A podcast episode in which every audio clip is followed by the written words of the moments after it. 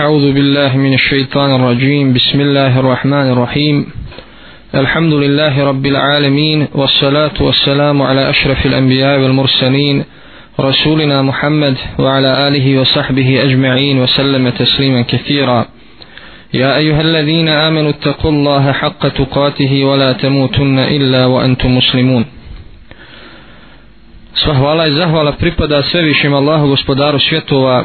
I neka salavat i salam na našega poslanika Muhammeda sallallahu ta'ala alaihi wa sallam na njegove časne i plemenite ashabe i sve one koji slijede njihov put i istinu do sudnjega dana. Poštovana braćo i sestre, dragi slušalci, assalamu alaikum wa rahmatullahi ta'ala wa barakatuh. Kao što je najavljeno, večeras ćemo govoriti o temi uloga vjere i morala u izgradnji društvene zajednice, odnosno društva. Danas, e, ako pogledamo savremena društva, vidjet ćemo da se ona susreću sa različitim i ozbiljnim problemima, kao što su mito, korupcija, kriminal, zloupotreba položaja, pronevjera i jedno generalno nepoštivanje zakona. Iako se ulažu značajni napori u cijelome svijetu, pa i ovdje kod nas, u iznaleženju efikasnih zakona s ciljem suzbijanja ovih pojava, rezultati su neznatni. Poznato je da su ove pojave koje smo nabrojali, e, da su to pojave koje koče razvoj napredak jednog društva. I stoga danas savremena društva, kao što, kao što sam rekao, ulažu e, ogromne napore u borbi protiv ovih društvenih pojava. Mi smo i u ovom našem bosansko-hercegovačkom društvu svjedoci mnoštva ovih pojava i istovremeno nemogućnosti da se one iskorijene ili da se svedu na minimum. Kao i na drugim mjestima i u ovom našem društvu iznalaze se razne metode za, za suzbijanje tih pojava. Izglasavaju se različiti zakoni, međutim rezultati su veoma slabi Svako pametan će se upitati e, zašto je takvo stanje, zašto se ne uspijeva suzbiti, znači prije svega recimo nemoral, e, laž, prevara, mito i korupcija. Pa se postavlja pitanje da li problem u zakonima. Svako onaj ko se razumije imalo pravo i ko se razumije jeli, u zakone e, vidjet će da su ti zakoni dosta efikasni, dosta rigorozni. Međutim, problem je u ljudima. Problem je u ljudima i glavni i osnovni problem kod ljudi jeste kriza vjere i morala kriza vjere i morala. Lično smatram da je posebno značajno i važno govoriti o ovoj temi, jer svjedoci smo i svakodnevno slušamo na televiziji, na radiju i čitamo novinama o raznim aferama, raznim prevarama, e, nepoštenju, o raznim diskriminacijama u društvu i tako dalje. I stoga, znači, ova je tema i kako bitna da prije svega naglasimo šta je razlog jednog takvog općenitog stanja u društvu.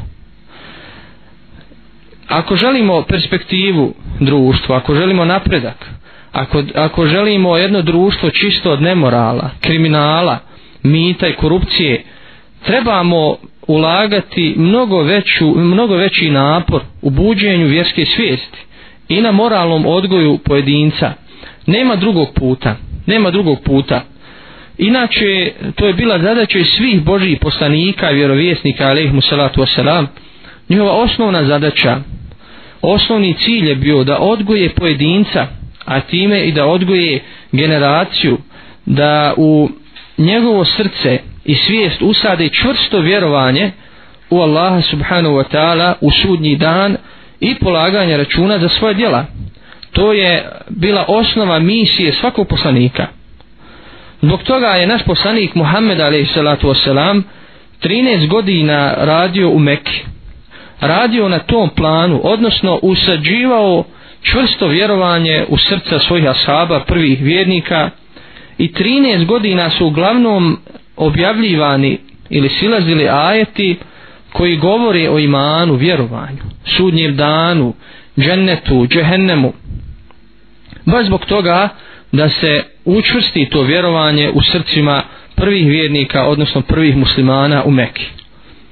Tek kad je poslanik alaihi salatu sa svojim ashabima učinio hijđu u Medinu, tada su počeli češće dolaziti ajeti koji sadrže pravne propise oni koji analiziraju općenito koji analiziraju poslaničku misiju a prije svega misiju našega poslanika Muhammeda alaihi salatu wasalam zapazit će da Kur'an mnogo više govori i mnogo je više ajeta koji govore o vjerovanju o Allaha subhanu wa ta'ala i o vjerovanju onaj svijet nego ajeta koji govore o pravnim propisima. Zato u Kur'anu recimo ima preko 500 ajeta koji se odnose na regulisanje društvenih odnosa ako znamo da, da Kur'an sadrži više od 6000 ajeta, onda je ovaj broj pravnih ajeta relativno mali. Znači, Kur'an mnogo više govori o vjeri, o vjerovanju u Allaha subhanahu wa ta'ala i onaj svijet i o moralu, odnosno lijepom ponašanju, obhođenju i prema Allahu i prema drugima, nego o pravnim propisima. To jeste, kažem, osnova misije svakog od poslanika i to prije svega treba da zna svaki onaj ko se bavi misionarstvom, islamskim misionarstvom i pozivanjem u Allahu vjeru subhanahu wa ta'ala. Da je to osnova i temelj e, islamskog misionarstva.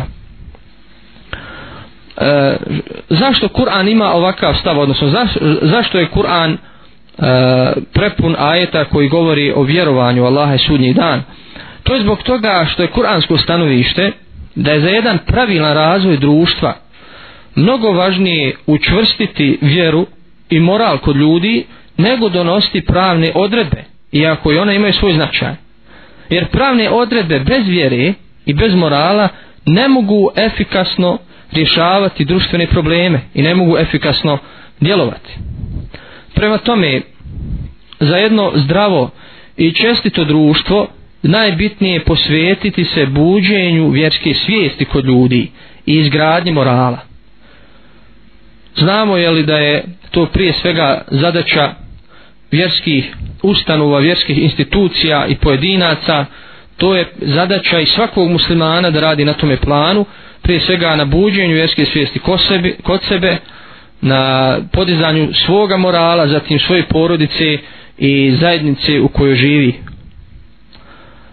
Kur'an je prepun ajeta čiji cilj je upravo razvoj vjere i podizanje morala Ja ću večeras navesti samo neke kao primjer koji duboko znači zadiru u našu dušu obraćaju se našem srcu našoj duši u jednom od tih ajeta koji je posebno ili dirljiv posebno poučan kaže uzvišeni subhanahu wa ta'ala a'udhu billahi min shaitan rajim واتقوا يوما ترجعون فيه إلى الله ثم توفى كل نفس ما كسبت وهم لا يظلمون bojte se dana u kojem ćete se Allahu vratiti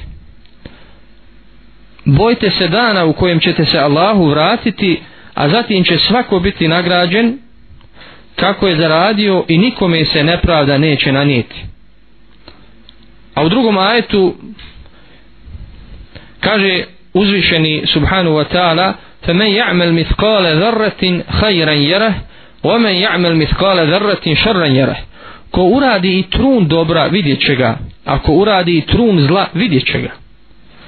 I mnogi drugi kuranski ajeti govore u istoj temi podsjećaju nas na jednu veoma bitnu stvar a to je povratak. Naš povratak uzvišenom Allahu subhanahu wa ta'ala i polaganje računa za naša djela i nagrada shodno našim djelima. Ako uspijemo u naša srca usaditi čvrsto vjerovanje bez kolebanja i bez sumnje u ovo o čemu govorimo onda ćemo jeli, probuditi svoju vjersku svijest odnosno ostvariti ko sebe vjeru koju uzvišen Allah traži od nas i podići svoj moral. I to je osnova čestitog i poštenog društva. Isto tako u jednom od hadisa koji govore na istu temu a hadis je opće poznat hadis koji govori e, to se zove se Džibrilov hadis jeli kada je Džibril došao u liku čovjeka i pitao poslanika ali salatu wasalam šta je to islam, šta je to iman? I pitao ga šta je to ihsan? Pa je poslanik ali salatu wasalam rekao ihsan odnosno vrhunac vjere je da obožavaš Allaha kao da ga vidiš. Jer ako ti njega ne vidiš on tebe vidi. Znači vrhunac vjere je ostvariti takvu vjersku svijest odnosno takvu uh, E, svijest u obožavanju uzvišenog Allaha subhanahu wa ta'ala kao da gledamo Allaha. Ili u najmanju ruku ostvariti takvu svijest kada Allaha obožavamo odnosno u, našem svakodnevnom životu da se tako ponašamo da imamo svijest da nas Allah non stop gleda i da nas prati i da ćemo odgovarati za svoja djela. Poslanik alaihi salatu wasalam je i uspio u svojoj misiji i odgojio je najčasniju i najbogobojazniju generaciju i najmoralniju generaciju svih vremena. U vezi s tim poslanik alaihi salatu wasalam u jednom hadisu kaže hajru nasi kadni thumma alladhina yalunhum thumma alladhina yalunhum najbolji ljudi su moja generacija odnosno najbolji ljudi su ashabi. Zatim oni koji slijede iza njih jel tabini i tako dalje. Za tu najčasniju i najbogobojazniju generaciju muslimana bilo je nezamislivo da lažu bilo je nezamislivo da varaju da kradu, da čine nepravdu drugima ili da recimo zloupotrebljavaju svoj položaj kada su bili halife i na važnim mjestima. E, to je bilo za njih nezamislivo jer u njihovim srcima vjera u onaj svijet vjera uzvišenog Allaha subhanahu wa ta'ala bila je tako jaka da je bila preokupacija u njihovom životu nezamislivo je bilo za halife da zloupotrebljavaju svoj položaj da nenamjenski troše državnu imovinu ili da primaju mito. Zato je najveći prioritet svakog normalnog društva i države i njenih institucija i ustanova da afirmišu vjeru i moral i da mnogo više sredstava i pažnje posvećuju upravo duhovnom i moralnom odgoju svojih građana. Samo će tako imati čestite i poštene građane mnogo produktivnije, mnogo korisnije za društvo i mnogo će manje imati problema od takvih građana. Čovjek koji ima jaku vjeru i moral, on će stalno imati na, na umu u vidu da će se jednoga dana vratiti svome gospodaru i da će polagati račun za svoje djela. S tom sviješću osjećaj odgovornosti ostaće uvijek čvrsto usađen u njegovoj duši i on se nikada neće ponašati neodgovorno i bezbrižno. Zamislimo moralni lik jednog od ashaba, zamislimo moralni lik jednog ovakvog vjernika koji uspije da izgradi svoju vjeru i svoj moral. To je lik pravog muslimana, jel? To je lik pravog muslimana ili pravog vjernika. Pa ćemo navesti samo neke njegove osobine. S ciljem da se podsjetimo na njih i s ciljem da nastojimo da se ugledamo na te ličnosti i da pokušamo biti da pokušamo biti makar blizu njih ako ne možemo dostići njihov stepen. Život takvog pravog muslimana će biti život čistoće, pobožnosti, ljubavi i čestitosti pravi musliman zna da duhovne vrijednosti odnosno vjera i moral da to čini čovjeka. Jer samo se po duhovnim i moralnim vrijednostima razlikuje čovjek od čovjeka i razlikuje se čovjek od životinje. Čovjek pokvarenjak koji ne zna za Allaha koji je nemoralan on može biti i bogat i može biti lijepo odjeven ali on je duševna fukara i duhovna bijeda pravi musliman će ukrasiti svoju dušu i karakter iskrenošću pravednošću, milosrđem, snošljivošću, darežljivošću, dobročinstvom, skromnošću i poštenjem i drugim osobinama koje krase jednog mu'mina, jednog vjernika. Pravi musliman također zna da laganje nije dozvoljeno i da je to veliki grijeh za koji će odgovarati na sudnjem danu. Laž nije dozvoljena ni trgovcu kada hvali svoju robu, ni zanatli kada nešto radi, ni službeniku kada govori dođi sutra. Sve što ne odgovara istini to je laž a teško lažljivcima kako im poručuje uzvišen Allah subhanahu wa ta'ala. Jedne prilike ashabi su upitali poslanika alaihi salatu wassalam da li vjernik može biti kukavica? Pa, su, pa je rekao može da li može biti škrtac Pa je rekao, može. A da li može biti lažec? Odgovorio je, ne može. Vjernik ne može biti lažec. A laž je jedno veliko zlo i uzrok mnogih drugih zala koje iz njega proizilazi. Pravi musliman će također u svakoj prilici pretpostaviti zajedničke i društvene interese lični, jer on zna da su najbolji ljudi oni koji najviše koriste zajednici, odnosno koji najviše koriste drugim ljudima. Također pravi musliman je dobročinitelj, jer vjeruje da je svako dobro djelo sadaka. Da je svako dobro djelo sadaka i da će za svako dobro djelo biti nagrađen na onome svijetu. Večeras ćemo kazati, odnosno navesti citat poznatog islamskog učenjaka i iz prvih generacija i poznatog pobožnjaka El Hasan El Basrija koji opisuje pravog muslimana. I ovaj njegov opis, odnosno ova njegova izjava treba da bude moto svih muslimana da poprave svoju vjeru i da uzvise svoj moral. Kaže Hasan al Basri, opisujući pravog muslimana, kaže pravi musliman neće činiti zulum, odnosno nepravdu, onome koga mrzi. Niti protekcije onome komu je drag. Ne, odgo, ne ogovara nikoga. Drugoga ne ponižava i ne omalovažava. Besposlicu ne govori. Ne traži što nije zaslužio ne poriče istinu pa makar i na svoju štetu umjeren je u svemu. Ne raduje se ničoj nevolji i nesreći pa ni svoga protivnika. Prijazan je i susretljiv prema svakome strpljiv prema sebi u svojim nevoljama.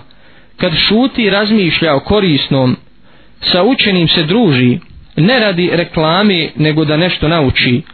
Dobro djelo ga veseli ništa ga ne može pokolebati da ne bude pravedan uvijek se drži dostojanstveno. Zadovoljan je sa onim što ima. Drugima ne zavidi. U udobnosti se ne pravi ohol a u muci je strpljiv. Takav je pravi musliman. I divno je biti takav musliman. Nakon svega ovoga što smo kazali postavlja se jedno pitanje a to je kako postići ove moralne i vjerske vrline i vrijednosti? To naravno nije nimalo lako, međutim nije nemoguće. Potrebno je prije svega dosta truda i odricanja. Međutim, gdje ćemo naći toliko motiva za dug da i dugoročno odricanje i požutvovanje, naročito u ovim vremenima kada nije nimalo lako izgraditi vjeru i kada nije nimalo lako izgraditi visok nivo morala. Danas je mnogo pojedinaca i mnogo je organizacija i ustanova i vladinih i nevladinih koje generalno pozivaju pravdi, istini, poštenju i rade na moralu općenito, međutim očito je da nemaju nekog značajnog uspjeha. Postavlja se pitanje zbog čega? Zbog toga što moral, čestitost, pravičnost, odgovornost i druge pozitivne osobine moraju biti zasnovane i utemeljene na čvrstim temeljima i jakim motivima. Šta to može spriječiti kriminalca od kriminala? Do svijest da je to što čini zlo i da će na onome svijetu za to odgovarati i kažen biti. Šta može odvratiti službenika od mita, korupcije, zloupotrebe položaja i prevare do svijesti ubjeđenje da će svoju službu i rad, odnosno da će za svoju službu i rad polagati račun na onome, na onome svijetu i da će odgovarati onome koji sve zna i koji je o svemu obaviješten. Šta sudiju može spriječiti da nepravedno presudi do svijest, da ga nepravda direktno u džehennem vodi i da za nju slijedi kazna još na ovome svijetu. Prema tome, u svemu je najbitnija svijest da ćemo za naša dijela i riječi Allahu polagati račun. Odnosno, čvrsto vjerovanje u proživljenje, u sudnji dan i u nagradu i kaznu koju govori Kur'an i hadis poslanika alaihi salatu wasalam. ako pogledamo danas je li postavlja se pitanje šta ljudima fali ne fali im obrazovanja ne fali im informacija fali im vjere fali im ubjeđenja u onaj svijet i polaganje računa. Jer da imaju čvrsto vjerovanje u Allaha subhanahu wa ta'ala i onaj svijet i polaganje računa ne bi se ovako ponašali ne bi činili te velike grijehe u kojima večeras govorimo.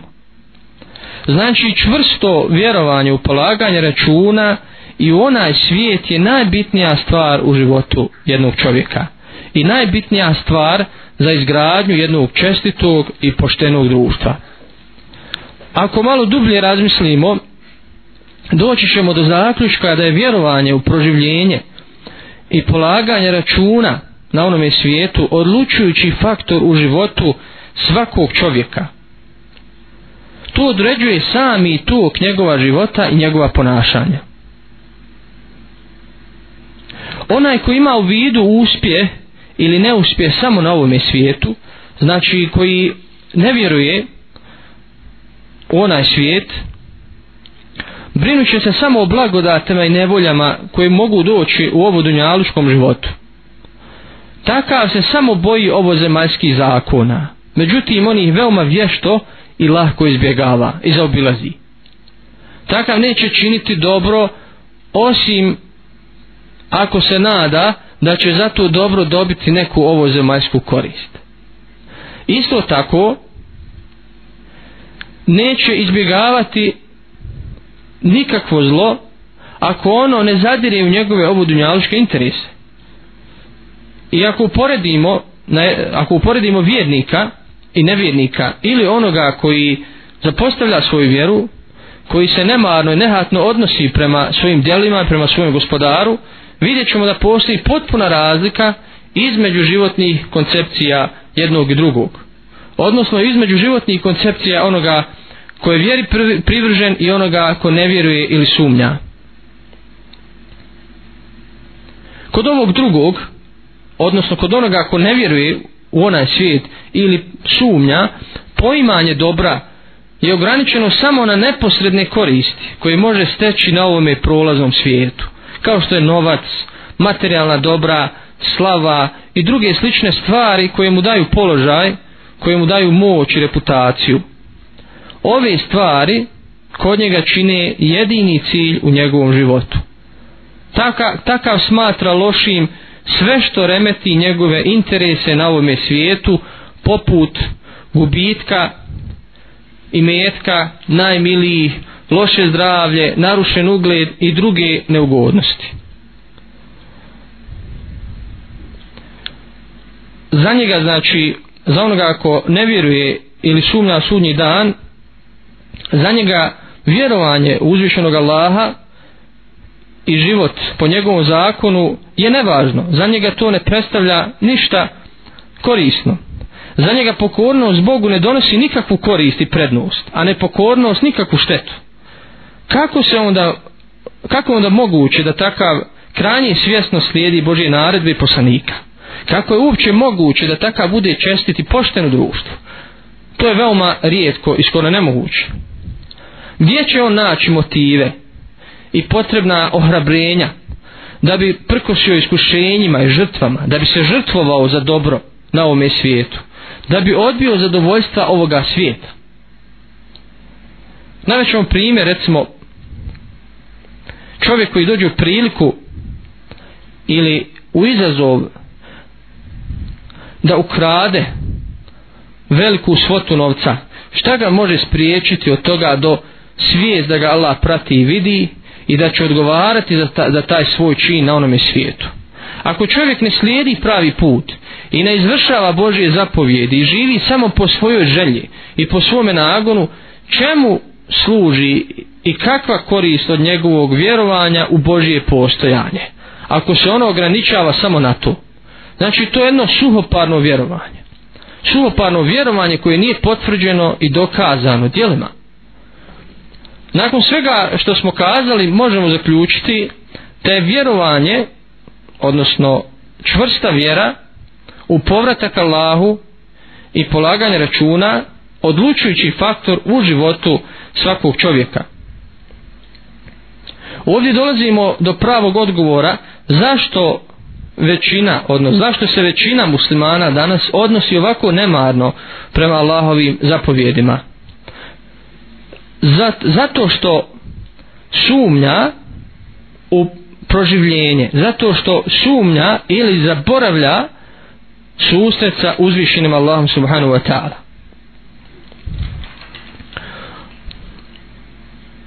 S druge strane, ako pogledamo vjernika, ako pogledamo onoga ko čvrsto vjeruje Allaha i sudnji dan, vidjet ćemo da se njegova koncepcija dobra u potpunosti razlikuje od koncepcije ovog, ovoga čovjeka o kojem smo prethodno, o kojem smo prethodno govorili. Za njega je dobro sve što Allah voli. To je za vjernika dobro. A zlo je sve što izaziva njegovu srđbu i nezadovoljstvo.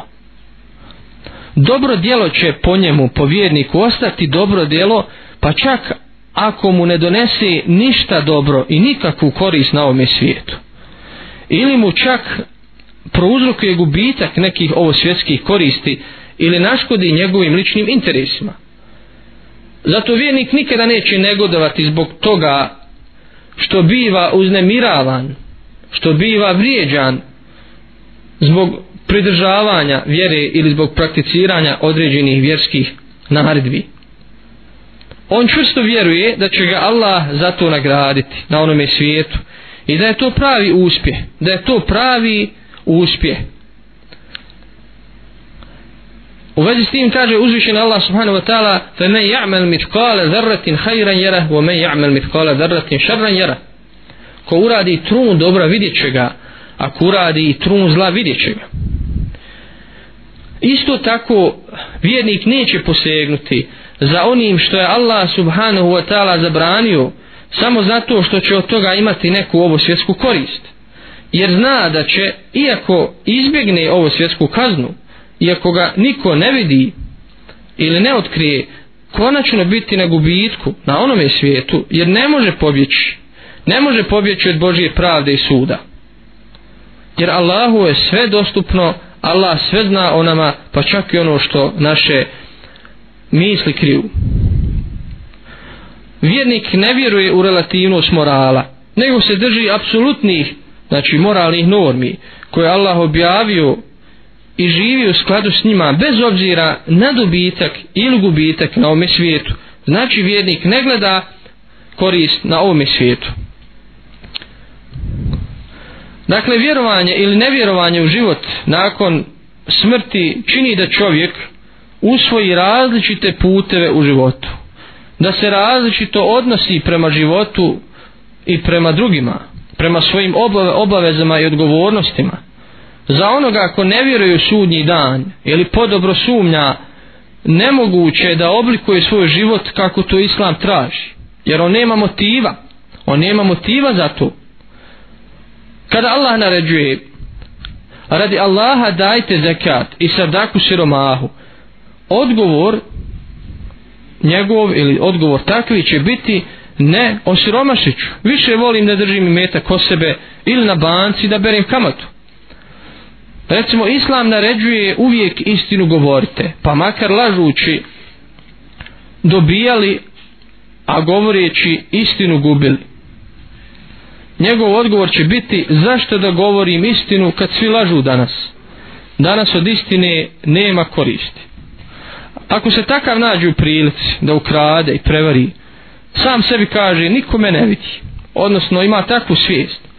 I ovo je prilika da zaradi da se lako obogati. Njemu nije na umu da će odgovarati za, za, za ta svoja djela na onome svijetu. Niko me ne vidi. Niko neće obavijesti policiju ili se došli protiv mene ukratko u svakom trenutku islam čovjeku nudi određeno ponašanje i vodi ga sigurnim putem. Međutim on uvijek uzima suprotan pravac. I ono što je najbitnije ovdje naglasiti jeste da islam i vjernik prije svega sve mjeri i procjenjuje sa stanovišta vječnih posljedica na onome svijetu.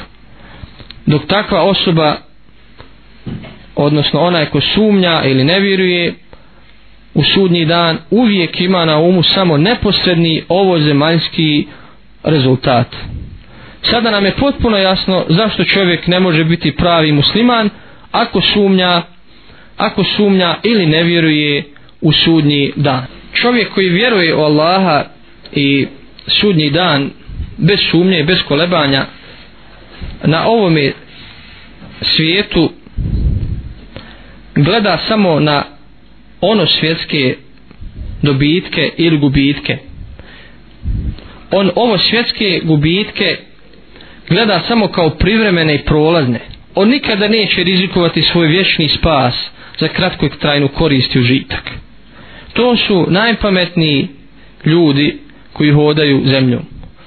On gleda stvari u široj perspektivi i uvijek ima na umu ono što može dobiti ili izgubiti u vječnosti stoga nikada neće žrtvovati vječnost ahiret, džennet za prolazne užitke na ovome svijetu koji ruše njegovu vjeru i njegov moral odnosno ono što je uzvišen Allah subhanahu wa ta'ala zabranio. On će činiti dobro ma koliko ga to koštalo na ovome svijetu a izbjegavat će zlo bez obzira koliko ono bilo privlačno i zanimljivo. Prema tome ako želimo jedno čestito društvo svaki pojedinac svaki musliman svaka muslimanska institucija i ustanova treba da povede više brige o vjeri i moralu svojih članova. Jer bez vjere i bez morala nema perspektiv, perspektivnog nema čestitog i nema poštenog pojedinca i društva i na kraju ću navesti ponovo izreku Hasana el Basrija koji upisuje pravog muslimana da se opet posjetimo jeli, na lik pravog muslimana.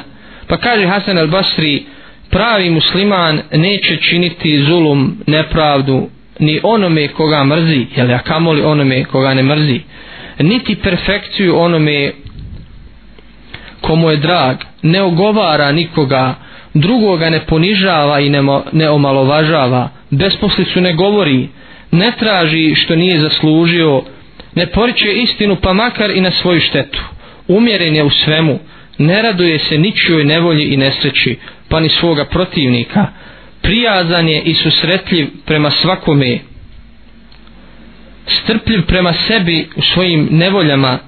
Kada šuti i razmišlja o korisnom sa učenim se druži ne radi reklame nego da nešto nauči dobro djelo ga veseli ništa ga ne može pokolebati da ne bude pravedan uvijek se drži dostojanstveno zadovoljen je sa onim što ima drugima ne zavidi u udobnosti se ne pravi ohol a u muci je strpljiv. I na kraju, da bi čovjek bio pravi vjernik, potrebno je da dobro poznaje svoga gospodara, njegovu veličinu, njegovu moć, njegovu uzvišenost. Treba da dobro poznaje Allahove zapovjedi, šta je Allah naredio, šta je zabranio. Zbog toga je obaveza svakog muslimana da nauči svoju vjeru onoliko koliko će mu biti dovoljno da bude dobar vjernik. Zato poslanik Ali sallatu Osram kaže Talebul ilmi feridatun ala kulli muslim. Traženje znanja o vjeri je dužnost svakog muslimana. Molim uzvišenog Allaha subhanahu wa ta'ala da nas pouči našo vjeri da popravi našu vjeru i naš moral da nas uputi i napravi put da učvrsti naše noge na pravom putu i da okončamo ovaj ovo dunjalučki život a da on bude zadovoljan sa nama. أقول قولي هذا وأستغفر الله لي ولكم فاستغفروه إنه هو الغفور الرحيم. السلام عليكم ورحمة الله تعالى وبركاته.